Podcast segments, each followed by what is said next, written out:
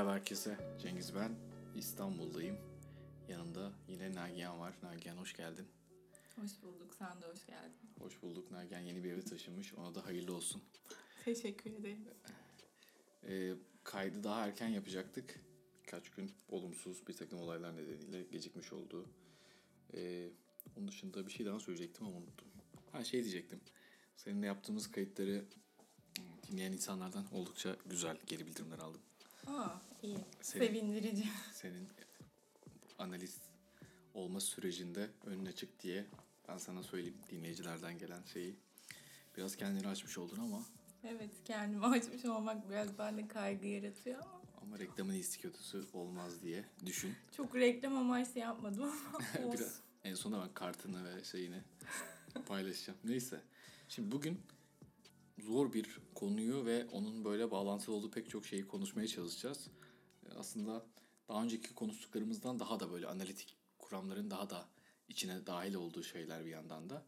Klinikte de çok gördüğümüz, herkesin aslında günlük yaşamında gördüğü, e, bazen işte damgalayarak bahsettiği, bazen de e, bu ne ya falan dediği, bu psikopat kim dediği böyle laf arasında konuştuğu şeyleri konuşacağız. Ee, İnsanların çokça kavramlarla da işte e, kavramları karıştırdığı, anlamakta zorlandığı, psikiyatristleri bile anlamakta zorlandığı bir konuyu konuşacağız. Kişilik bozuklukları, e, işte karakter patolojileri bunların üzerine konuşacağız. Bunun öncesinde de işte kişilik nedir, karakter nedir, mizaç nedir bir tanım bunların tanımını yaptıktan sonra genel bir kişilik bozukluğuna giriş yaptıktan sonra spesifik e, alt türlerden konuşmaya çalışacağız. Zamanımız yetti, yettiğince e, bunları konuşmaya çalışacağız. Şimdi ben sana sorayım. O, Orhan Öztürk'ümüzü de açtık kutsal kitabımızı önümüze ve ondan onun tanımlarıyla biraz da başlayalım. Yoksa internetten de pek çok abuk subuk sitenin tanımı var. E, Yani biz de kişilik dediğimizde aklımıza bir şeyler geliyor ama onu böyle tabii tanımlamak e, net bir şekilde daha önemli. Ben sana söyleyeyim sen o tanımları bir yap bize. Ee, şöyle yapalım. Ee, şimdi kişilik, karakter ve huy. Yani bunlar e, ayrı ayrı tanımlanması gereken şeyler belki. Hani kişilik dediğimiz şey bireyin kendine özgü olan ve e, başkalarından ayırt ettiren, e, uyum özelliklerini içeren bir kavram. Yani kişilik bireye özgü kalıcı özellikleri tanımlıyor. Bireyin nasıl bir kişi olduğunu betimleyen bir kelime. Kimlik ise bireyin kişisel, mesleksel, toplumsal konumunu yani bireyin kim olduğunu belirliyor. Karakter dediğimiz şey kişinin dünyayı görüş, algılama ve yaşamla başa çıkma biçimi olarak tanımlanıyor. Huy yani mizaç dediğimiz şey de doğuştan gelen daha biyolojik temeli olan yatkınlıklara bağlı davranış eğilimleri olarak tanımlanıyor. Research temperament diye de geçiyor. Gerçi İngilizce şey herhalde. Kişilikle ilgili yani asıl biz kişilik bozukluğu konuşacaksak kişiliği biraz daha da böyle şey yapalım. Yani kişilik e, yani sabit değişmez özellikler gibi. Aslında bir yandan bunu demek de şey oluyor. E, sanki psikoterapilerde ya da işte süreçlerde değişmez bir şeymiş gibi bir şey bildiren bir şeyde, bir yargı da bildiren bir şey. Değişim gerçekten çok zor. Yani çünkü e, bu işte ta doğum öncesi evreden e, hani erişkinlik işte ölene kadar bir şekilde davranış örüntüleri ve nesne ilişkileri devam ediyor. O yüzden ha, değişmesi güç ama hani olanaksız değil. Tabii her kişilik patolojisi için bunu söyleyemeyiz. Hani e, psikotik bir örgütlenme ne yazık ki psikotik olarak devam edecek. Yani psikotik bir örgütlenmenin nevrotik düzeye erişmesi gibi bir şey söz konusu değil ne yazık ki. Yani kişilik bir insanı uzun süre tanıdığımızda hakkında yorum yapabileceğimiz bir şey. Kişinin kendisini ve çevresini algılayışıyla ilgili bir e, antite diyeyim. E, kişilik bozuklukları e, özellikle işte e, DSM-5'te ve DSM-4'te yani e, tanı koyması, bir tanı kategorisine sokulması zor özellikler. E, DSM yazarlarını da çok zorlayan bir şey ki e, pek çok e, DSM'deki pek çok tanı ve işte alt grupları, kriterler böyle çok sık değişir her DSM'de. E, Değişmeyen nadir gruptan kişilik bozuklukları 4'te ve 5'te çok benzer şekildeler. Yani bu da gerçekten o e, tanım yapan insanların, psikiyatristlerin e, kişilik bozukluklarıyla ilgili tanımları değiştirmekte çok zorlandığına dair e, bize bir, bir takım şeyleri gösteriyor. E, onun dışında genel birkaç istatistikten verirsem işte 2009'da bir İngiltere çalışmasında %6 olarak geçiyor kişilik bozuklukların genel prevalansı. Erkeklerde eğitimi düşük insanlarda ve işsiz insanlarda daha fazla olduğu çalışmalarda gösterilmiş. Bir yandan bu kişilik bozuklukları da benim de bir test konuma dönüştü bir anda sürpriz bir şekilde. Çok hazırlıklı olduğum bir şey değildi. Ee, ama şimdi ben de biraz biraz biraz okumaya başladım. Aslında şöyle e, Ömer Hoca ile konuştuğumda Manis, e, Manisa'nın hocası. O da böyle çok ölçek şeyle çok iyidir yani arası. Hı hı. Hani ona da dedim ki ben işte kişilik bozuklukları çalışacağım. E, tezimde işte ona e, onunla ilgili ölçeklerle çalışacağım. O da bana dedi ki e, yani her ne kadar sen işte deskriptif bir şekilde çalışsan da ölçek versen de bir kuramın üstüne oturtman lazım. Yani hangi kuramla açıklayacaksın kişilik bozukluklarını? Ki şimdi DSM kuramsız bir şekilde aslında e, açıklıyor da bütün kuramları alarak açıklıyor. Ya DSM çok deskriptif bir şey. Yani e, böyle hani bir checklistin var ve oradaki bazı şeylere tik attığında işte beş kriterden üçünü karşılıyorsa evet bu bir bozukluktur gibi. Ama hani kişilik dediğimiz şey bir örgütlenmeden yani kişilik örgütlenmesinden bozukluğa kadar e, geniş bir e, şey var, perspektifi var aslında. Yani işte şey çok geniş olması bir yandan klinikte de insanı zorlayan bir şey de dönüşüyor. Yani işte şimdi baktığın zaman insanın işte biraz psikiyatrinin içinde zaman geç, geçirdikçe e, yani bütün ölçeği ya da bütün işte skit görüşmesini yapman gerekmiyor bir rahatsızlığın varlığını ya da yokluğunu düşünmen için. Böyle birkaç şeyde bile ya bu işte burada galiba bir şeyler var diye şey yapıyorsun. Ama akademik bir çalışma yapacaksan işte bunu sonuna kadar götürmen gerekiyor. Bütün ölçekleri, bütün şeyleri, e, işte skit görüşmesinde bütün her soruyu sorman gerekiyor. Ama genel olarak APA şöyle demiş kişilik bozuklukları için. Amerikan Psikiyatri Birliği. Bireyin kendisi ve diğerleri hakkında olumsuz düşünceler ve hislerle ilişkili olarak yaşamın birçok alanında birey işlevini önemli ölçüde olumsuz etkiler. Yani işlev bozuculuğu çok vurgulanmış APA'nın e, kişilik bozukluğu tanımında. Zaten bozukluk dediğimiz bir şey o işlevselliğin ortadan kalkması. Yani Hı-hı. mesela biraz önce şeyden bahsettin ya işte erkeklerde, Hı-hı. işsizlerde daha fazla görülüyor. Aslında hani Tesadüf o kişilik patolojisinden dolayı Hı-hı. bir işte e, devam etme, sürdürebilme Hı-hı. potansiyeli çok daha düşük oluyor. Hı-hı. Yani evet bu öyle şeylerde sosyodemografik bilgiler bir tuhaf oluyor gerçekten. Yani bu adamları zaten belki de bu yüzden işsizler, bu yüzden bu yüzden erkekler falan. bu yüzden erkek değillerdir herhalde değil mi? Bu yüzden erkek olmaları çok olağan değil.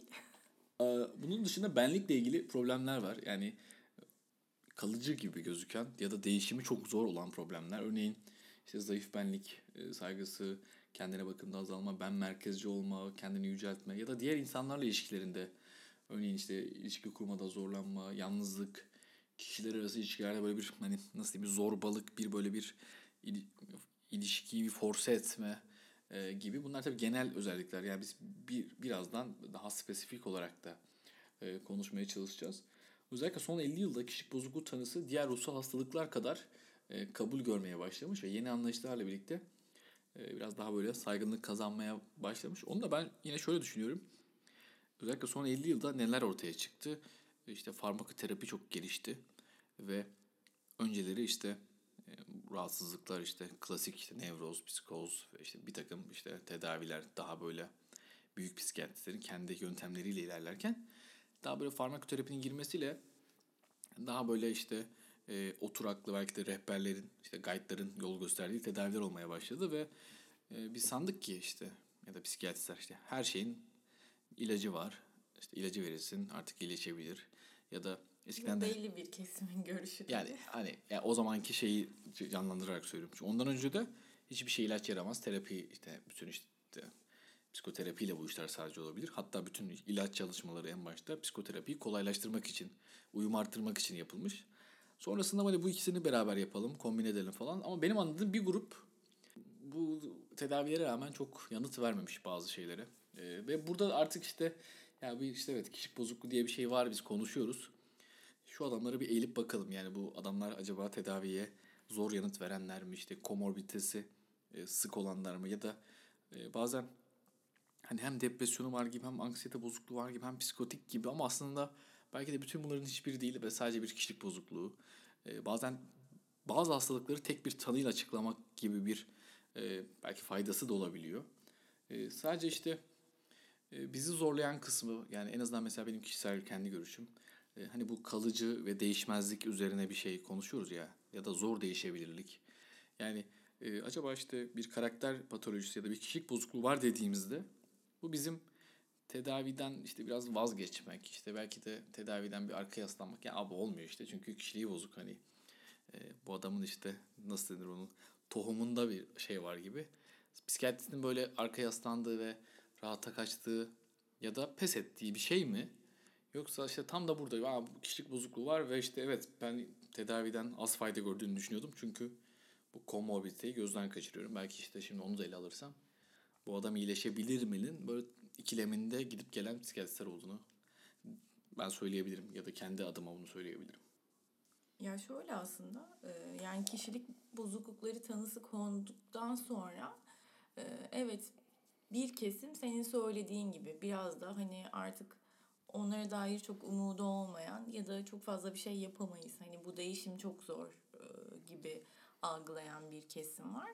Ee, ve aslında bir anlamda psikiyatristler arasında da hani kişilik bozuklukları olan hastalardan böyle bir şekilde kaçma ya da diyelim işte bir terapi sürecine başlayan bir hasta. Hani o karşı aktarımımız da çok önemli. Çünkü kişilik bozuklukları olan hastalar gerçekten öyle bir e, karşı aktarım oluşturuyorlar e, terapistlerde de. Hı hı. Ya, gelmese bugün seansa hı hı. işte iptal etse ya da bu hasta drop olsa falan diye çok e, istenir. E, çünkü gerçekten o nesne ilişkileri ve onun aktarımı ve diğer insanlarda yarattığı o e, işte yansıtmalı özdeşimden kaynaklanan bir şekilde öfke ya da kötü hisleri, e, kötü duyumları e, bir şekilde bize de yansıtıyor ve biz de bunu bir terapist olarak algılıyoruz ve gerçekten çalışılması zor bir hasta grubu. Çok hani spesifik bir hasta grubu ve birçoğu da yani özellikle ağır patolojileri olanlar zaten böyle bir arayışa girmiyor. Hani bir tedavi arayışına girmiyor. Biraz daha hani belki üst düzey diyebileceğimiz örgütlenmeye sahip olanlar işte hani belki kişiler arası bir takım problemler nedeniyle ya da iş yerindeki genel olarak nesne ilişkileri yani insan ilişkilerinde sorun yaşayabiliyorlar. Ee, o noktada belki bir başvuru ya da bir travma sonrası ya da bir yaşam olayı sonrası genellikle başvuruları oluyor. Ama kesinlikle çalışılması zor bir grup. Çalışması zor bir grup dediğinde aklıma şu geldi. Yani e, mesela kliniklerde vardır işte şizofreni çalışan hoca vardır. Yaz çalışan vardır. Afektif e, ruhsal rahatsızlıkları çalışan vardır. Ama işte yani kişilik bozukluğu çalışıyorum diyenler genelde hani psikoterapi tarafında çalışanlardır. Onlar e, aslında çalıştıkları hastalık hastalığın grubundan ziyade o hasta grubuna verdikleri tedaviyle anılırlar. Yani o adını bile hani ben işte ben kişilik bozukluğu çalışıyorum diye e, hani söyleyemezsin de çünkü şöyle bir hoca düşün ben kişilik bozukluğu çalışıyorum bana işte kişilik bozuk olanlar gelebilir gibi muhtemelen çok gitmez yani böyle ismi de bir hani zaten bu disorder çevirisi hani bozukluk dediğimiz şey hani bizim dilimize bana çok şey geliyor hani bozukluk hani sanki bir şeyin doğuştan e, toparlanamayacak olmasına dair bir şeymiş gibi. Ama tıpta şöyle bir kavram var ya bir hastalık kavramı var bir de bozukluk kavramı var. Hast, hastalık dediğim şey daha hani o etiyolojisi çok net olan evet. e, bir yerdeki bir e, sorundan ya da net bir patolojiden ya da biyolojik bir patolojiden kaynaklanan bir şey. Ama bozukluk dediğimiz şey e, yani öyle net anlamıyla bir organik kökeni yok ya da tam patoloji ya da etiyoloji yani etiyoloji dediğimiz şey Hani ortaya çıkış nedenleri ya da neden ortaya çıktığı ile ilgili bir şey. Ve net bir şey yok. O yüzden de aslında bozukluk kavramı. Ve e, yani kişilik bozuklukları aslında tanımsal anlamda da biraz insana bir şekilde itici gelen ya da e, uzak durulması gereken bir şeymiş gibi bir hissiyatta yaratabiliyor. Hı hı.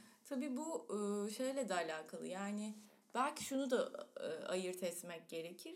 Hepimizin belli kişisel özellikleri var. Yani her bireyin getirdiği hani o doğuştan itibaren gelen bir takım özellikler ve çevrenin etkileşimiyle de gelişen özellikler var. Yani özellikle nesne ilişkileri dediğimiz şey bizim davranış biçimlerimizle çok alakalı. Hı hı. Ve yani her şey bir bozukluk değil. Yani hı hı. E, birinin biraz böyle hani obsesif özellikleri olan herkes OKKB değil yani. Ya da e, biraz daha belki böyle histerik özellikleri ön planda olan her kişi histrionik kişilik bozukluğu değil. Ya bizim biraz e, bu psikiyatri camiasında da çok var. İnsanları tanımladığımız şeyler işte obsesif falan gibi ya da işte mesela borderline kelimesi çok kullanılır hem psikiyatri camiasında hem de artık insanlar arasında da bu bir etiket ve olumsuz bir etiket olarak e, oluyor ama orada işte şeyi net ayırmak lazım. Yani hani bu gerçekten bir kişilik bozukluğu mu yoksa kişilik örgütlenmesi mi bu şekilde? Hı hı. Onu ayırt etmek lazım. Çünkü işlevselliğini etkiliyorsa ve artık ciddi kişiler arası ilişkilerini de etkiliyorsa bozukluk diyoruz. Yani şöyle oluyor bazen de e, her işte bozukluk bozukluğun işte bir özelliğini birkaç özelliğini taşıyor ama aslında işte belli sayıda e, bozuk şey özellik bir araya gelmediği için de hastalık tanısını almıyor ama aslında eşik altı. Eşik altı ama birden fazla şeyin eşik altında oluyor. Ee, bazen o e, şeyden daha zor oluyor. Yani bir kişilik bozukluğu tedavisini e, yani kişilik bozukluğu olan bir hastayı tedavi etmekten daha zor oluyor öyle durumlar. Yine şunu söyleyebiliriz. E, kişilik bozukluğunu işte telkin eden birkaç özellikten yine sık, çok sık duygu durum değişiklikleri, işte öfke nöbetleri, arkadaş edinmekte e, zorluklar. Bazen böyle duyarsın ya işte kızlar, bazı kızlar der ki ya ben işte kızlarla hiç anlaşamıyorum. Bana çok tehlikeli gelir o cümleler. Mesela benim hep erkek arkadaşım var. Yani işte yani bir grubu böyle bir şekilde separe etmek yani işte mesela erkek Splitting aslında. evet işte mesela erkek diyor ki ya benim ben diyor sadece işte diyor kızlarla anlaşırım ya da ya sadece ya bir şey sadeceleştir yani sadece e, hep hiç falan gibi. Yani işte dikkat çekme çabası, e, hazzı erteleyememek, ödülü hemen ulaşmak, hemen aynalanmak ve bu benim çok yani hocamın da geçen bahsettiği ve cidden kafama da çok oturan bir telkin edici özellik. Kullanılmış olma hissi. Yani bu kişiler bir şekilde böyle işte kullanıldığını işte yani e, aslında bir takım insanların onun üzerinden prim yaptığını ya da onun işte kısa süre onunla beraber olup sonra onu terk ettiğini yani e, işte bu terk etmeyi aslında belki de işte ayrılıyorsun ya da bir ilişkin oluyor ayrılıyorsun bitiyorsun ve insanlar diyor ki evet yürütemedik bir grup diyor ki ama işte beni kullandı. Hani mesela neden seni kullansın? İşte beni kullandı. Zaten işte özellikle nevrozlarda kişi işte böyle kendisi şikayetçidir belirtilerinden. Onlar daha böyle ego distoniktir hani nevrozlarda ama kişilik bozukluğu olan insanların böyle etraftan şikayetçi olma hali var. Yani daha böyle bir e, ego sintonik yani benim bir şeyim yok da hani yansıtıyor işte. Evet o bana şey yaptı. Hani o beni işte kullandı, bana şunu yaptı, bunu yaptı gibi. Ee, yine ayaktan psikiyatri hastalarında e, yani onlara verildiğinde ölçekler bir takım ölçekler %50'ye yakınında çıkıyor. Çünkü e, dediğim gibi komorbiditesi e, çok yüksek diğer rahatsızlıklarla. %50 çok yüksek bir oran. Evet onu mesela son ben yeni, yeni çalıştığım için psikiyatri poliklinik başvurusu olan hastaların %50'sinin yani şöyle o tanı yani %50'sinde ya bir bozukluk kriterini karşılamıyordur muhtemelen. En az bir kişi bozukluk tanı kriterine sahip olması diye söyleniyor. Ha, ama Yüz, bu hani Evet ama %31 %31.4 de tanıyı alıyorlar. Ciddi bir oran aslında her üç kişiden birisi evet, gibi bir psikiyatri polikliniğe şey. başvuran her üç kişiden birisinin kişilik bozukluğu vardır değil de işte bu nasıl diyeyim ee, ya da bir de böyle işte depresyonu var. İşte depresyondaki bazı belirtiler de kişilik bozukluğunun belirtisine giriyor. Bazıları o çakışıyor. Işte boşluk hissi. Evet, evet bazıları çakışıyor. Self mutilatif davranışlar ya da intihar düşünceleri de çok sık eşlik ediyor. Özellikle B küme kişilik ee, bozukluklarına. Yani yine şunu söyleyebilirim. Ee, hani işte komorbidite olduğu için yani bu özellikle mağluliyet yaratan durumlar çoğu zaman da komorbiditeden. Yani işte işte kişilik bozukluğu artı işte depresyon. Yani depresyondan komorbidite bir yandan şey depresyondan dolayı e, mağluliyet gelişiyor. Ve ama bu komorbidite de o depresyonun iyileşmesini zorlaştırıyor. Nüksünü arttırıyor. Aslında depresyondan dolayı desek de dolaylı bir yoldan kişilik bozukluğunda mağluliyete etkisi oldukça yüksek. Yani e, böyle genel bir giriş yaptığımızda bile üzerine böyle konuşacağımız hani daha böyle spesifik açmadık pek çok hani daha böyle DSM diliyle konuştuk şimdi. Evet. Pek çok kuramsal işte açıklamalar var işte e, yani üzerine konuşulabilecek çok konu var. Belki birebir aldığımızda onların işte her bir A, B, C gruplarını e, o zaman daha net bir şekilde belki de bir kurama oturtup onun üzerine anlatmak hem daha belki konuşması daha keyifli ve daha anlaşılır olur. E, hem de bizim için daha kolay olur. E, istersen burada bu kişilik bozukluklarına genel girişi sonlandıralım. E, sonrasında işte çeşitli kümeler var. O kümeleri bir anlatsana sen bize bir bitirmeden. Olur. Yani girişte o kısmı da anlatalım ama belki öncesinde de şunu söylemek lazım. Ee, yani kişilik bozukluklarında işte ego işlevi, hı hı. Savunma mekanizmaları bunlar çok önemli e, şeyler ve gerçeği değerlendirme yetisi. Hı hı. Yani bu üç üzerinden aslında e, biraz daha o tanımsal ya da örgütlenmeye net bir şey söyleyebiliyoruz. Bu arada ABC dediğimiz şey e, aslında gruplar halinde ayrılmış. Hani DSM'de böyle bir deskriptif bir şey aslında hı hı. ve benzer e, özelliklere sahip. Genellikle işte o savunma mekanizmalarını kullanma biçimleri e, ortak mekanizmalar olduğu için de böyle bir ayrım yapılmış. A küme dediğimiz daha böyle e, psikotik düzeye yakın olan işte zaman zaman gerçeği değerlendirme yetisinin bozuk olduğu ki e, birçoğunda belki şizofreni içinde bir yordayıcı oluyor bu kişilik bozukluklarına sahip olmak. İşte paranoid kişilik bozukluğu, e, şizoid kişilik bozukluğu ve şizotiper kişilik bozukluğu e, oluyor A küme. Yani böyle kabaca işte acayip, tuhaf, garip diyebileceğimiz kişiler. E, B küme dediğimiz daha böyle hani belki biraz daha popüler olan insanların da birbirini etiketlemek açısından çok sık kullandığı daha sınır örgütlenmeye sahip olan e, grup. Bunlar da işte e, antisosyal kişilik bozukluğu, narsistik kişilik bozukluğu, e, histrionik kişilik bozukluğu gibi daha... E, en babasını söylemedin.